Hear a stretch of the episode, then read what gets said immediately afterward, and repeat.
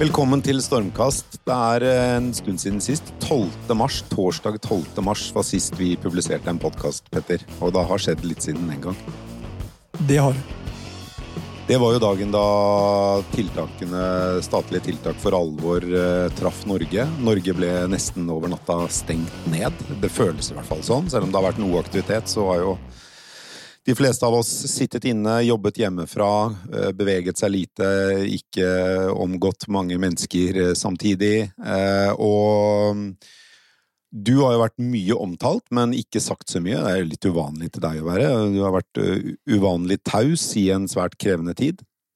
Hvordan går det med Choice og Strawberry-konsernet nå? Nei, selv om det har vært stille, så betyr det ikke at er stille. Jeg føler at vi har vært i en, eh, nesten en storm allerede fra 12. Eh, mars. Eh, jeg husker vi snakka litt om det, Per, og vi var jo allerede da godt i gang med forberedelsene på det vi eh, trodde kunne komme.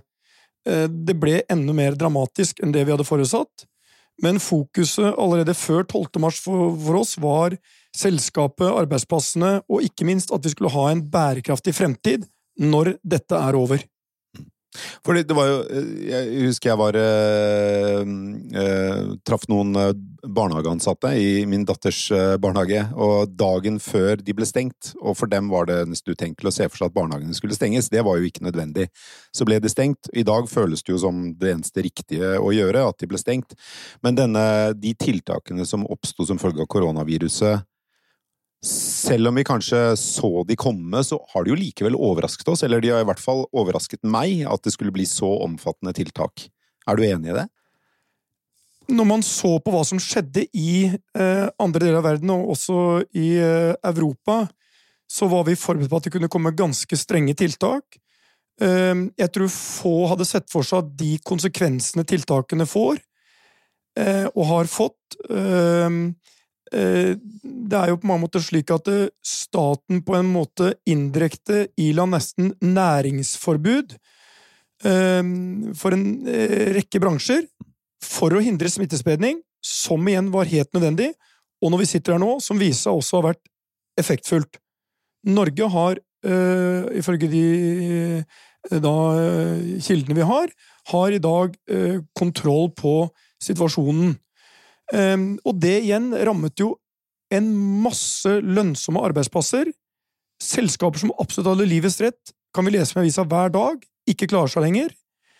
Ehm, og det er en situasjon hvor hele grunnlaget for forretningsdriften blir borte nesten over natta. For det, det, er jo øh, Du har jo vært øh, en del omtalt i media fordi den virksomheten du driver, eller de virksomhetene du driver, har jo vært blant de hardest rammede øh, av tiltakene for å bekjempe koronaviruset. Samtidig så har det vært noen som trukket frem at ja, men Petter Stordalen han er så rik, han er god for mange, mange milliarder kroner, kan ikke han bare selge huset sitt eller uh, kvitte seg med en bil eller tre, og så, er, uh, så skal skattebetalerne slippe å sørge for at Petter forblir en rik mann. Har du sympati for det argumentet?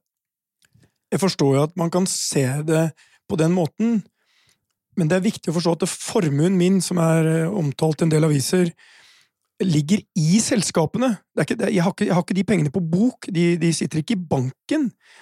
Verdiene ligger i Nordic Choice, de ligger i Ving, de ligger i Hurtigruta, de ligger i eiendommer og alle andre selskaper som vi har investert i. Når markedet stopper opp, øh, gjester uteblir, så rammes en stor del av disse selskapene, og da er også de selskapene mye mindre verdt. Um, og uansett forberedelser gjort på kriser som dette, så kan ingen leve. En butikk kan ikke leve uten at det kommer kunder der og skal kjøpe det. En restaurant er avhengig av at folk kommer i restauranten. Hoteller er faktisk avhengig av eh, at det er gjester der. Altså, ideen, Per, med hoteller, er at det skal være gjester. Når ikke jeg får lov til å ta imot gjester, og gjester ikke får lov til å komme, så er hele ideen med hotell og reiseliv uh, over. Så, så som, næ, når næringsgrunnlaget blir tatt bort, så, så, så, betyr det ingenting hva du har basically av cash og gjeld. Da handler det bare om å legge en plan. Hvordan skal vi komme gjennom dette? For det vil komme tilbake til en mer normal tilstand. Vi vet bare ikke helt når.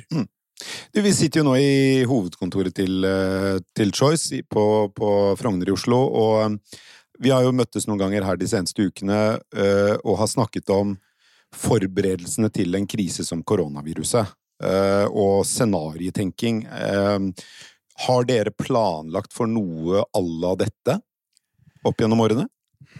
Jeg har vært med på fem-seks store kriser i mitt businessliv. Vi har vært forberedt på alle liksom, av den type kriser. La oss ta den siste, som var den store finanskrisen i 2008-2009. Vi kunne klart flere år med en sånn type krise.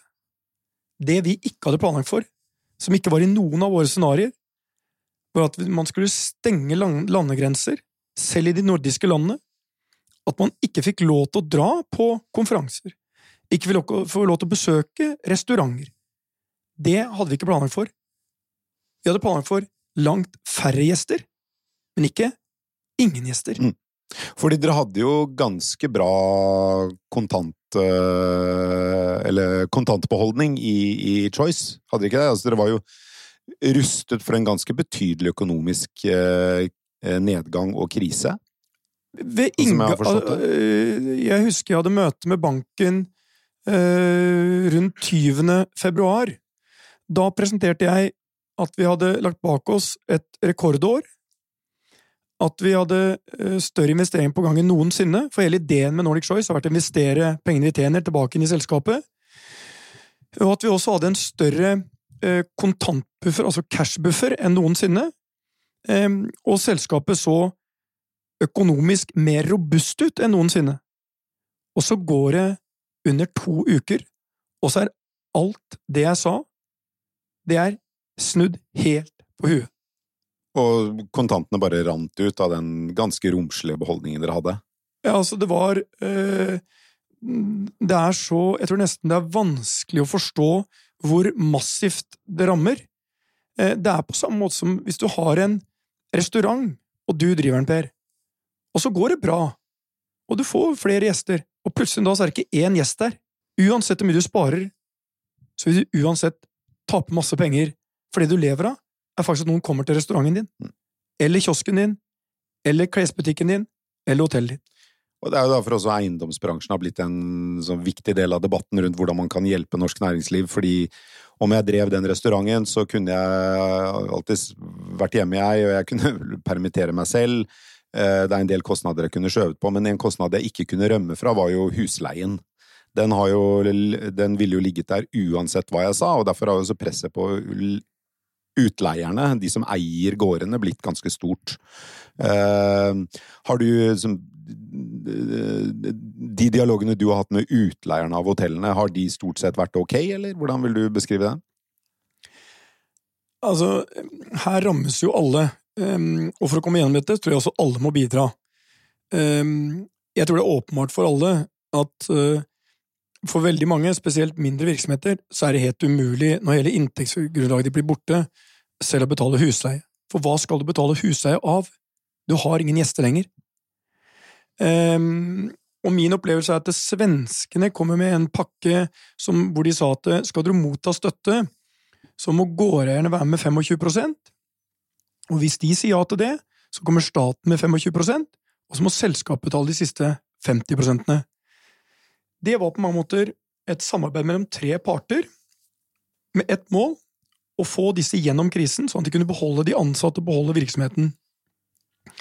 Vi opplever at forståelsen for den type samarbeid øker for hver dag som går, og vi skal huske på at vi starta eh, 12. mars, og vi er nå ikke engang midt i april. Det er ikke engang gått en måned. Mm. Og de fleste av oss som er tett innpå dette, tror at dette vil vedvare ikke bare ut april, ut mai, store konsekvenser også inn mot sommeren. Vi hadde jo, vi husker vi hadde to podkaster om koronaviruset ganske tidlig. Jeg lurer på om vi hadde den første av dem i slutten av februar. Og vi tenkte etter den andre at nei, nå holder det med korona. Det får være grenser for hvor uh, viktig dette er. Jeg, husker, jeg tenkte i hvert fall det, og jeg mener å huske at vi snakket om det òg, at uh, det har vært nok korona nå. Og så smeller det jo Og nå er det føles nesten rart å snakke om noe annet enn korona.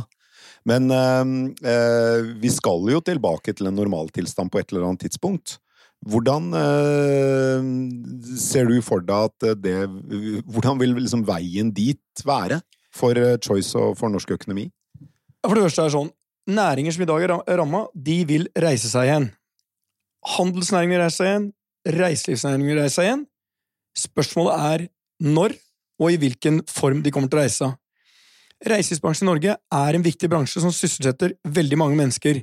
De har vist tidligere en unik evne til å komme tilbake, etter 9-11, etter finanskrisen, askeskyer, tsunami De har alltid kommet tilbake. Men det er to X-faktorer her. Hvor lenge vil det vare, og hvilke tiltak vil komme? Um, og det er klart at det, hvis det fortsatt over lang tid vil være strenge begrensninger på antall personer som kan møtes gjennom hele året, så får det store konsekvenser. Tenk bare på handel. Hvis du ikke kan gå på kjøpesenteret, for der blir det fort mer enn 50 mennesker, eh, gjennom hele året. Eller konferanser på hoteller. Eller konferanser på hoteller. Jeg vil tro mange av hotellene Betydelig du eier, virksomhet. så er det en stor del av inntekten, og kanskje den sikreste inntekten òg, for du kan booke lang tid i forveien, så du kan planlegge etter den. Eh, Så, så hvor lenge den type tiltak vil eh, gjelde, eh, vil være viktig for hotelleiere som deg på muligheten til å reise seg og se videre og planlegge for en, en fremtid. Absolutt. Altså, vi er jo helt avhengig av å få eh, hele liksom, næringen til å fungere igjen. Og da er det om det er eh, Og jeg tror vi må innse at det, det vil ta tid før vi ser stor grad av internasjonale gjester igjen tilbake, eh, selv om Norden nok tidligere blir sett på som et eh, trygt eh, område å dra til, en trygg region å dra til, så tror jeg det er veldig mange land som kommer til å ha begrensninger eh, til å få lov til å reise inn til Norden. Mm. Og ehm, de eh, gjestene i Norden vil ha begrensninger med hvor de får lov til å reise. Det vil påvirke enormt, og det vil slå opp gjennom hele landet. Bare tenk hva ehm, kysten og Nord-Norge og sånn, hva de lever av. De lever eh, veldig mye av turismen og alt som skjer der. Og hvis den blir borte for en lang periode, så klart det får enorme konsekvenser. Også for mange bedrifter som aldri klarer å reise. Og de vil det nok være ganske mange av, og kanskje spesielt innen turisme, detaljhandel, som har eh, lave marginer fra før, og som er, er pressa fra flere hold. Altså, jeg har jo dialog med ganske mange, og vi har jo mange som driver franchise, de driver sin egen bedrift, men knytta til vårt system. Um, og nå hører historiene deres um, om hvor avhengig de er av juni, juli, august, september.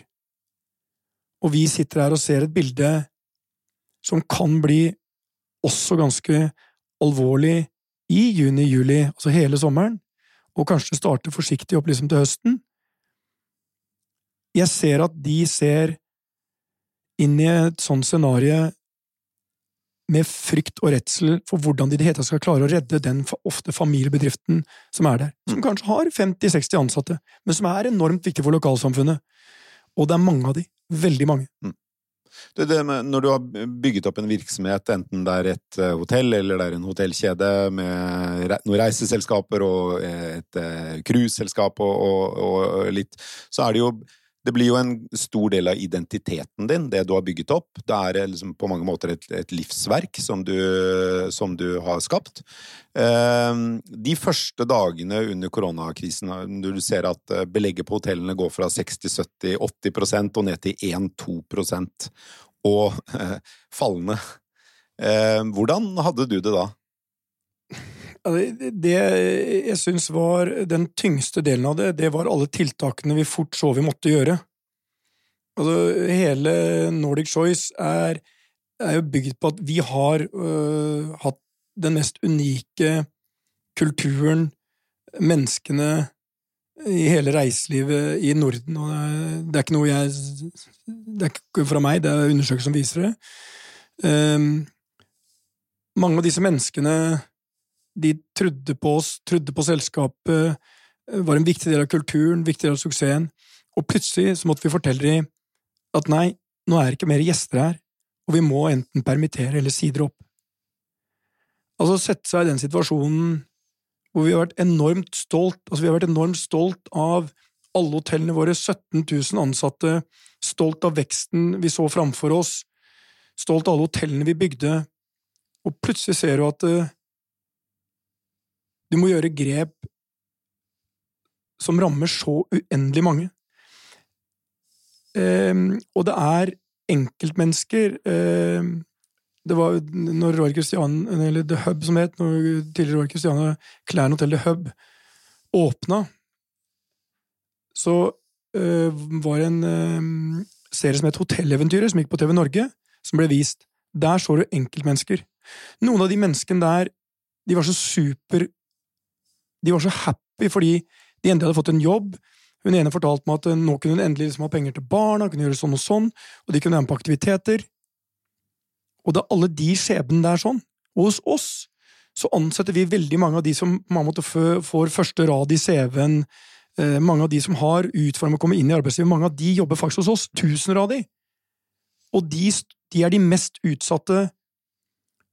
Og de, den usikkerheten de går ut i nå, fordi de sitter ikke med de, den, den, frykten og redselen de har. Og selv om vi sier vi skal tilbake, eh, vi skal få til det her, eh, så er Ingen kan gi svaret på akkurat når det vil skje. Det vil skje, men når vil det skje? Så det var altså for hele ledelsen, for alle som jobba, måtte ta alle de tunge beslutningene, så var det eh, Det var en helt eh, eh, Det var nesten surrealistisk. Ja, fordi når du kommer inn her, jeg som bare er her en sjelden gang, og, men jeg har vært der mer i det siste, og merke, du merker på stemningen at den er helt annerledes enn tidligere. Det er, en, det, det, er mye, det er jo færre folk her. Eh, fordi mange er permitterte. Eh, de som er her, eh, du, du merker på dem at de er, tankene Det er fullt i hodene deres, og det kan være kaotisk. Det er mange ting på en gang som drar dem i ulike retninger. Og for deg, da, som er den som alle skal vite hva tenker, og hva, hva vil du gjøre med dette og sånn, hvordan opplevde du det de første dagene? Nei, for det første så jeg,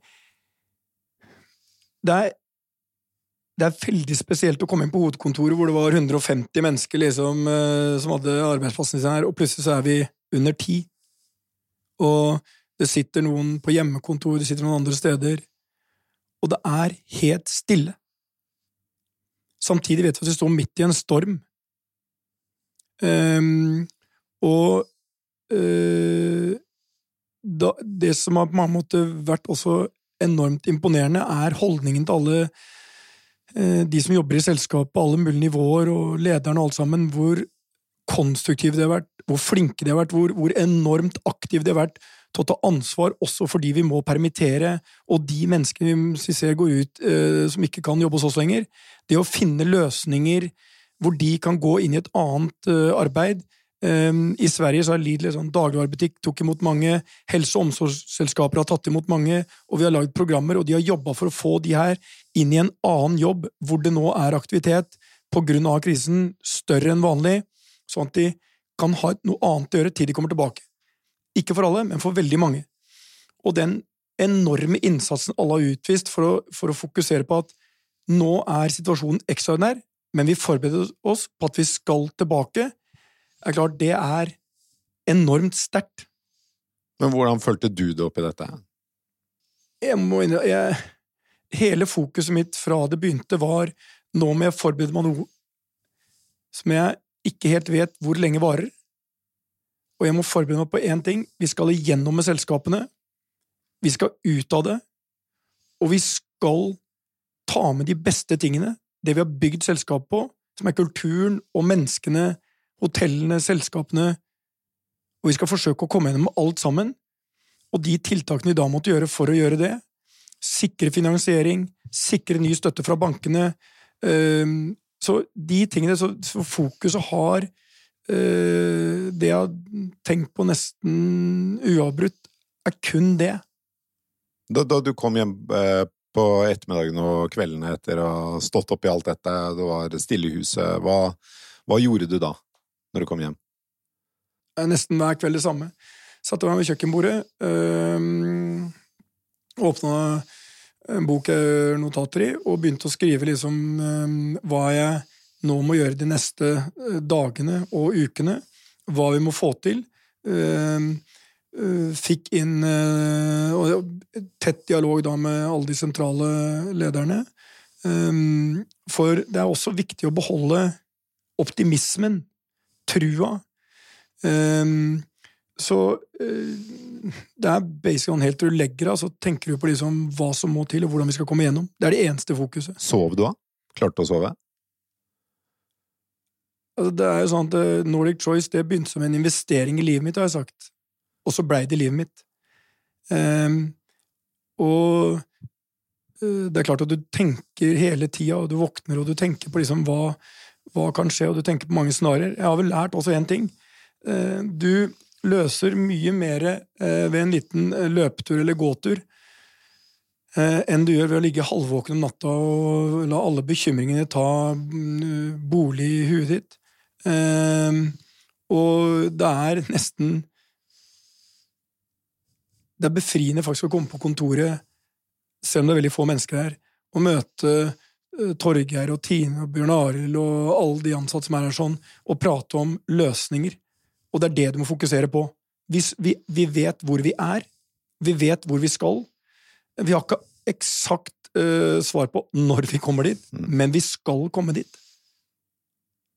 2019 eh, var jo eh, et eh, selv til deg å være et utrolig travelt år. Du kjøpte en hotellkjede i Finland kalt Kemp. og kanskje det mest omtalte av dine investeringer, Ving-kjeden, som du gikk inn i sammen med to oppkjøpsfond. Og Det var jo et betydelig økonomisk løft, og det var jo også et, et litt nytt type case for deg. En, litt, en beslektet, men likevel annen bransje. Hvordan går det med Ving? Klart, Ving eh, rammes jo akkurat som hotellselskapene. Ving har vært et markedsledende selskap i eh, både Norge, Sverige og Danmark. I Danmark med Spis. Har det, liksom, noen av de beste hotellproduktene hvis du skal dra til sola. Eh, har eksistert i 50 år. Um, og det er klart, krevende nå, men folk har dratt til Sola og Syden og til Mallorca og Gran Canaria og sånt nå i uh, Helt siden Simon Spies uh, begynte å gjøre reiser til Syden tilgjengelig for alle. Um, så de kommer til å komme tilbake, de også, uh, men det er klart det er utfordrende. og der også, når man får reisebegrensninger, um, der vet vi ikke helt hvor lenge det varer. Ehm, de har håndtert også krisen på en usedvanlig bra måte, og der er også fokus på når eh, kan vi igjen liksom sende folk til Syden, ehm, og, da, og det er det som er fokuset. Og målet vårt er vi skal gjennom med Ving, så vi skal gjennom alle de andre selskapene. Kommer du til å være eier i Ving når dette er over? Uh, målet vårt er klart, vi skal gjennom med selskapene. Jeg er mer opptatt av å redde selskapene enn akkurat hvordan eierstrukturen er. Men du har lyst til å få til noe sammen med Ving? 100 eh, mm. Men det er sånn, om det er Hurtigruta, om det er Ving eller om det er Nordic Choice, målet for de selskapene er jo det samme. Det er et forbigående eh, en forbigående krise som alle andre kriser tar en slutt. Eh, denne gangen var en veldig annerledes krise. Eh, men målet er klart. Vi skal gjennom med selskapene.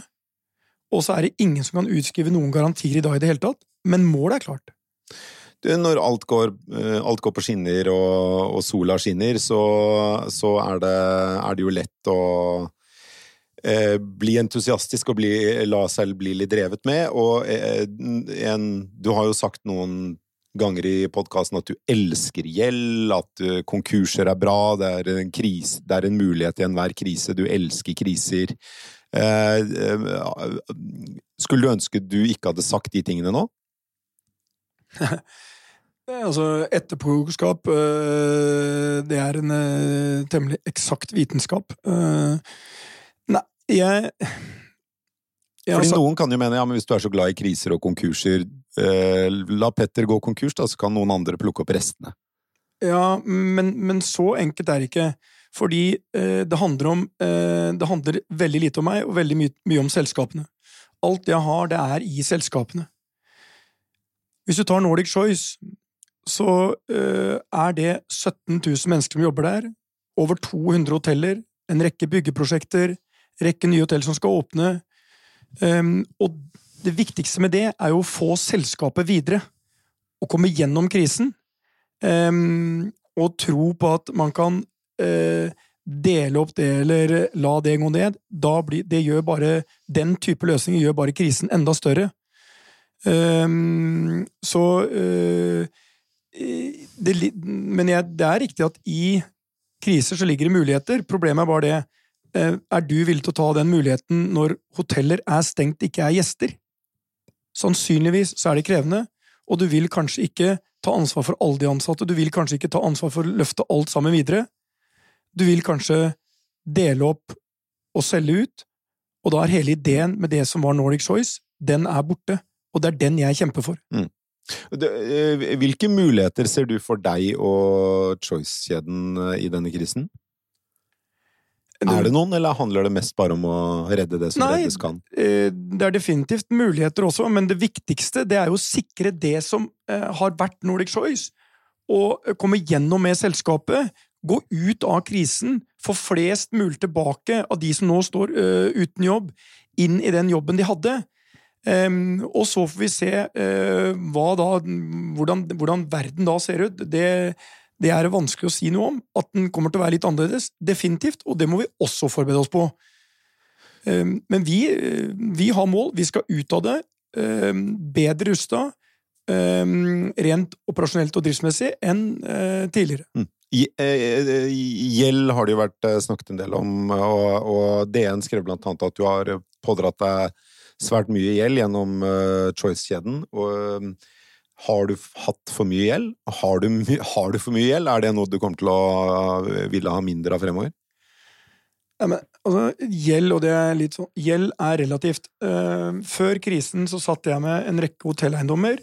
De hadde gjeld i forhold til verdiene på eiendommene, som var da um, andre som hadde verdivurdert, på litt over 50% som er lavt og relativt konservativt som også, helt fram til uh, begynnelsen av mars, var ikke bare det var robust, var komfortabelt, alt så bra ut. Mm. Nordic Choice leverte sitt beste resultat. I 2019 lå an til et nytt rekordresultat, skulle ansette masse mennesker i 2020. Mange tusen mennesker skulle vi ansette i 2020.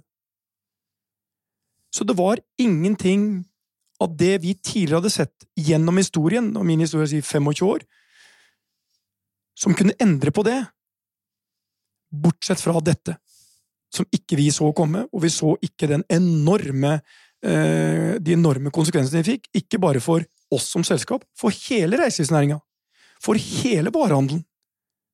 Vi snakket jo ganske mye om svarte svaner, eller black swans, eh, i podkasten gjennom fjoråret og, og vinteren, og var jo var jo forberedt på at det kunne komme en. En black swan er jo en, en, et sjokk i markedet som man eh, ikke kan forutse på forhånd. Det er noe helt uventet.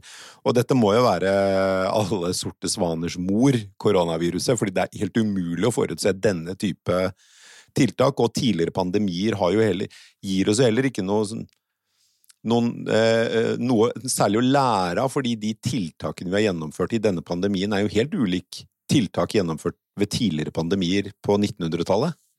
Så det er jo helt nytt terreng, det her. Ja, det, ehm, det, er ikke bare et nytt terreng, det er en ehm, Den realiteten vi står i i dag, er jo noe som ingen kunne planlagt for, og ingen kunne forutse. Men allikevel, nå er vi i det, og tiltakene vi ser, er nødvendige. Og da er det viktig bare å forholde seg til det, og legge planer for å komme gjennom det. Og da er vi avhengig av at alle samarbeider. Her har bankene også vært, eh, vært Min opplevelse er at bankene har vært meget konstruktive. Regjeringen har vært, eh, kommet med en del pakker som eh, delvis har hjulpet. Og det vil helt sikkert komme flere. Og da snakker jeg om hele de nordiske Det er litt forskjellige pakker i de forskjellige nordiske landene, men alle har jo ett mål. De samfunnsmessige konsekvensene hvis hele bransjer går ned, er så enorme at kostnadene ved å ta det gjennom er langt lavere. Eh, og heldigvis, da, for de nordiske landene, og kanskje spesielt Norge i særdeleshet, så er vi så solide som nasjon at vi har den økonomiske muligheten til faktisk å gjøre det. Hvis du var finansminister i Norge eller Sverige nå, er det noe annet du ville gjort enn det som er gjort? Jeg vil si at det, øh, For det første vil jeg si at finansministeren har handlet klokt ved å sikre at toppbyråkratene, makroøkonomene i finansavdelingen, sitter med mye av hånda på rattet her i utforming av tiltakspakker vi ser kommer nå. Um, og det, bare det de har gjort liksom med måten den de skal tildele den automatiseringen i tildeling av, av dagpenger og permittering av ansatte, altså masse tiltak som har kommet veldig fort, uh, hvor man har stått samla, det syns jeg har vært uh, veldig bra. Um, og i tillegg forståelsen av at de selskapene som mister, eller de næringer som mister totalt inntektsgrunnlaget, så å si over natta, um, får mulighet til å uh, få litt hjelp, som kan kanskje dra det gjennom de nærmeste månedene. Um, vi kommer helt sikkert å se tilbake uh, på dette og stille oss spørsmål om, om, vi gjorde nok. Jeg tror vi aldri kommer til å si at vi gjorde nok, um, for jeg tror det handler om å få med en hel generasjon som nå er i ferd med å bli stående utenfor, tilbake inn i arbeidslivet, de nordiske landene har hatt litt forskjellig strategi, men alle har det samme målet. Mm. Ja, nå er jo eh, Arbeidsledigheten i Norge er jo 10% Det tror jeg er eh, om trolig det høyeste Norge har registrert. Eh, vi er jo ikke vant til den type arbeidsledighet.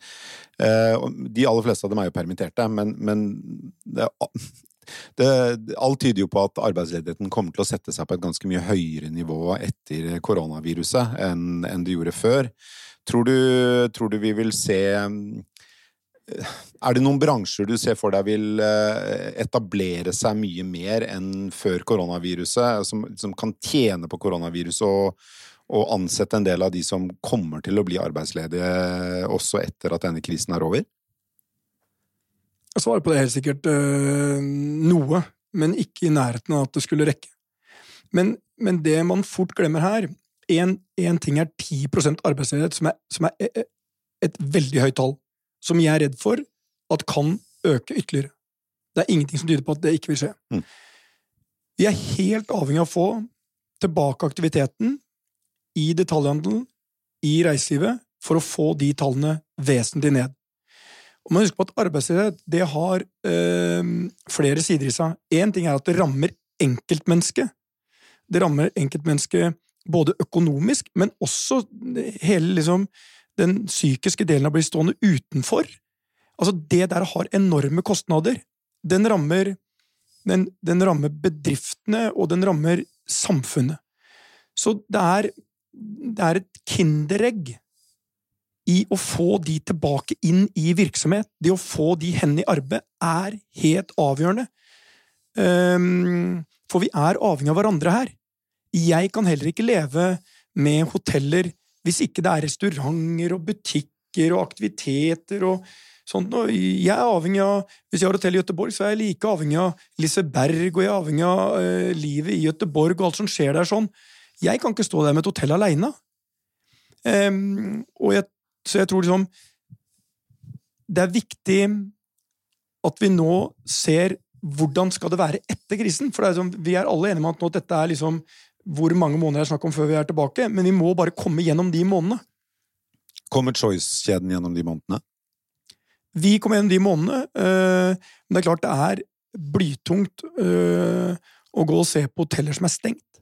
Altså Hele ideen med hoteller er jo det pulserende livet, det er alt som skjer på hotellet. Det er det jeg elsker, det er det, det, er det vi øh, Det er det som liksom gjorde at jeg blei eh, så enormt glad i eh, hotellbransjen. Eh, og se at liksom alt det vi trodde på nå ikke lenger er det vi trodde på. Mm. Det er sånn så men jeg vet også at eh, nå må jeg bare være innstilt på komme gjennom de månedene her, så skal vi tilbake. Um, og så får vi se liksom bare hvor lang tid det tar. Hvordan ser det ut om et år fra nå, tror du? Ja, den som hadde visst det uh, definitivt annerledes. Eh, vi har fått mange uh, nye ting. Altså, vi har Hangout og Skype og Zoom og Men det var vel hun eh, Trine Eilertsen som i Aftenpodden hun sa at eh, aldri har vi kjent mer på trangen til å møtes fysisk. Eh, så jeg tror liksom den, når restriksjonene er borte, og du kan gå ut og spise sammen, du kan dra på konferanser, du kan møte noen til lunsj, du kan møte forretningsforbindelser, du kan gå og trene igjen, du kan gå i parker, vi kan gå liksom og gjøre alt det, du kan dra på hytta, du, altså alle de tingene som er livet vårt. Jeg tror det er et enormt savn etter livet vårt. Mm. Vi, vil, vi vil ta tilbake livene våre. Vi vil ta tilbake sånn det var. Og mennesk, jeg tror mennesket er sånn at de, vi er sosiale dyr, på en måte. Så vi, vi, vi, vi liker å møtes, vi liker, vi liker liksom å gi hverandre en klem, og, vi liker, og, og jeg ser fram til når vi er tilbake dit. Nå sitter vi her med to meters avstand. avstand. um, og Vi har ikke tatt hverandre i hånda eller gitt hverandre en klem på en eh, måned nå. men, men vi kommer tilbake dit. Du skal få en klem igjen om eh, ikke altfor mange måneder. ja, jeg, jeg har det jo stort sett bra. Jeg tror du, eh, du har trengt den mer enn meg de, de siste ukene. Men eh, du virker, jeg syns jo det har vært liksom påtagelig Du virker jo mye mm, piggere og bedre humør og mer uthvilt nå enn for noen uker siden, da vi traff hverandre. Da syns jeg jo du virker ganske sliten. Det må jeg si. Men det, det blir godt å få en slags normal tilværelse igjen. Det gjør det. Ja, øhm, og jeg skal ikke legge skjul på at øh, det var og er en ekstremt krevende situasjon. Um, og det føles øh, ekstremt tungt. Øh, um, og jeg På mange måter så føler jeg liksom Vi satt Vi satt på ei strand, alt så bra ut, og plutselig kom tsunamien og tok bort hele grunnlaget for alt det vi Alle drømmene våre, alt det vi trodde på. Vi må ikke glemme å beholde drømmene og beholde trua på at vi, kom, vi kommer tilbake, liksom. Vi skal tilbake. Og Nordic Choice og de andre selskapene vi har investert i, skal tilbake. Det er det eneste vi jobber for. Petter, den nye kompensasjonsordningen til eh, regjeringen, den, bli, den diskuteres i Stortinget denne uken, og vil trolig bli vedtatt rett over påske. Er den nok? Nei, Hvis man med nok mener at um, den løser de inntektsbortfallene man har, så er det ikke nok. Um, nest, jeg vil si Samtlige av de bedrifter som mottar dette, vil fortsatt ha massive underskudd. Når det er sagt, um, så er det viktig at det kommer pakker. Og det skjer ikke bare i Norge. Vi ser pakker kommer i Danmark, som var veldig tidlig ute. Vi ser i Sverige nå Akkurat når vi sitter her nå og snakker, så kommer det nye forslag i Sverige på nye typer pakker. Alle disse tingene bidrar. Men bare for å sette det litt igjen i en sammenheng De ordningene som man nå har presentert i Norge, for oss så betyr det kanskje 10–15% av det tapet vi har i mars måned. Og kanskje eh, litt mer i april og mai, og den varer for de tre månedene. Men det jeg er ganske overbevist om, det at det kommer til å komme effektive og viktige pakker for næringslivet, ikke bare i Norge, i hele Norden. Um, for det er helt nødvendig. Men ingen av de pakkene er med på å skape noe overskudd. De er med på å redusere et formidabelt underskudd, men det kan være det. Det kan være den hjelpa som gjør at du kommer igjennom, men det er klart, det må til samarbeid her, også fra gårdeiere og fra andre, for at vi skal gjennom dette. Mm. Tror du, altså det, I, i Choice-kjeden, som i mange andre, så har jo ledelsen gått ned i lønn. Det har vært en del andre kostnadstiltak som, som uh, er gjort. Uh, tror du summen av det og statlige redningspakker kan uh, ta norsk næringsliv gjennom krisen? Fordi Formålet er jo ikke nødvendigvis å unngå underskudd i norsk næringsliv, men å unngå at norsk næringsliv i stort går konkurs. Ja, og hvis du sier Nå har vi jo hørt anslag om at det koster Norge per måned. Det er i størrelsesorden 20 milliarder på de pakkene vi snakker om her. Og Foreløpig er det sagt at de skal gjelde i tre måneder, med start fra mars. Mars, april, mai. La oss si at krisen da fortsatt er til stede i juni, juli, august. Og, og, pakken er jo laget ganske smart, for den baserer seg på inntektsbortfallet ditt. Så de kompenserer deler av inntektsbortfallet. Eh, og det er klart, hvis de da forlenger det, så er nok dette med på å sikre en stor del av eh, næringslivet, både innenfor detaljhandel og hotell og reiseliv, at vi kommer igjennom. Og da, selv om man har eh, krevende perioder eh, fremover, så vil de i hvert fall klare seg, om enn eh, på en litt annen måte enn før krisen kom. Og det viktigste for meg, det er jo at man er i gang, og viser vilje til at vi skal være med og hjelpe dere gjennom. Um, men for oss som konsern så er, det, uh, så er det viktig, men det er andre ting som kommer til å ta oss gjennom denne krisen i dette lille universet, da, vi vet jo ikke helt når vi har eh, stormkast igjen, Petter. Om det er eh, neste uke eller om det er en måned til neste gang, sånn som det har vært siden forrige podkast. Men uh, vi skal jo fortsette med denne også. Jeg håper vi kan snakke om noe annet enn korona på et tidspunkt. Når tror du vi slutter å snakke om korona og effekten det har på norsk økonomi og næringsliv? Nei, jeg, jeg, jeg, tror nok at vi kommer til å snakke og analysere korona ganske lenge. Eh, men jeg tror når vi nå begynner å se eh, Vi får kontroll på dette, og vi begynner å få unga tilbake i barnehage, unga tilbake på skolen, eh, og liksom det begynner å normalisere seg. Sommeren kommer, høsten kommer, og så håper jeg at vi igjen da skal gå inn i 2021 med litt mer positivitet, litt lysere framtidsutsikter, og 2021 kommer garantert også til å være preget av ettervirkningene etter korona. Men vi skal huske en ting. Vi sitter akkurat nå kanskje det landet, et av de få landene i verden som har fått kontroll over eh, koronaepidemien. Eh, og vi ser at eh, de nordiske landene, eh, kanskje med Sverige som eh, er litt etter, men som kommer det, er i samme situasjon, det gir eh, meg en enorm tro på at vi skal ut av det. Og da er vår enkle tanke Norden er et marked på 25 millioner mennesker. 75-80% av min business handler om Norden. Når Norden er oppe og går, er vi oppe og går, og da er vi tilbake. Og når Norden begynner å fungere, da fungerer Nordic Choice, da får ansatte gå tilbake på jobb, da begynner livet igjen. Ok, det er mulig du ikke kan reise til så mange land, men du kan i hvert fall reise til Gøteborg, du kan reise til København, svensker kan oppleve Norge, og hvis det markedet på 25 millioner mennesker begynner å fungere, da skal vi nok klare det ganske bra, og da ser det ganske lovende ut for 2021 også. Du, eh, Det var litt sånn lyden av gamle Petter. Det var sånn Selgeren er tilbake her. Det, det, det, er ikke noe selger, det var en analyse av hva som skjer. Og, vi, og det nordiske ja, ja. samarbeidet har aldri vært viktigere enn akkurat nå. Nei, ja, men det var veldig sånn eh, Det er jo den derre eh, Det er jo viktig å, å, huske på det, at vi skal tilbake til en slags normaltilværelse. Og den blir jo forhåpentligvis ikke så annerledes enn den normaltilværelsen vi hadde før krisen. For det var jo en veldig fin normaltilværelse vi hadde. Og det er jo viktig å prøve å komme tilbake.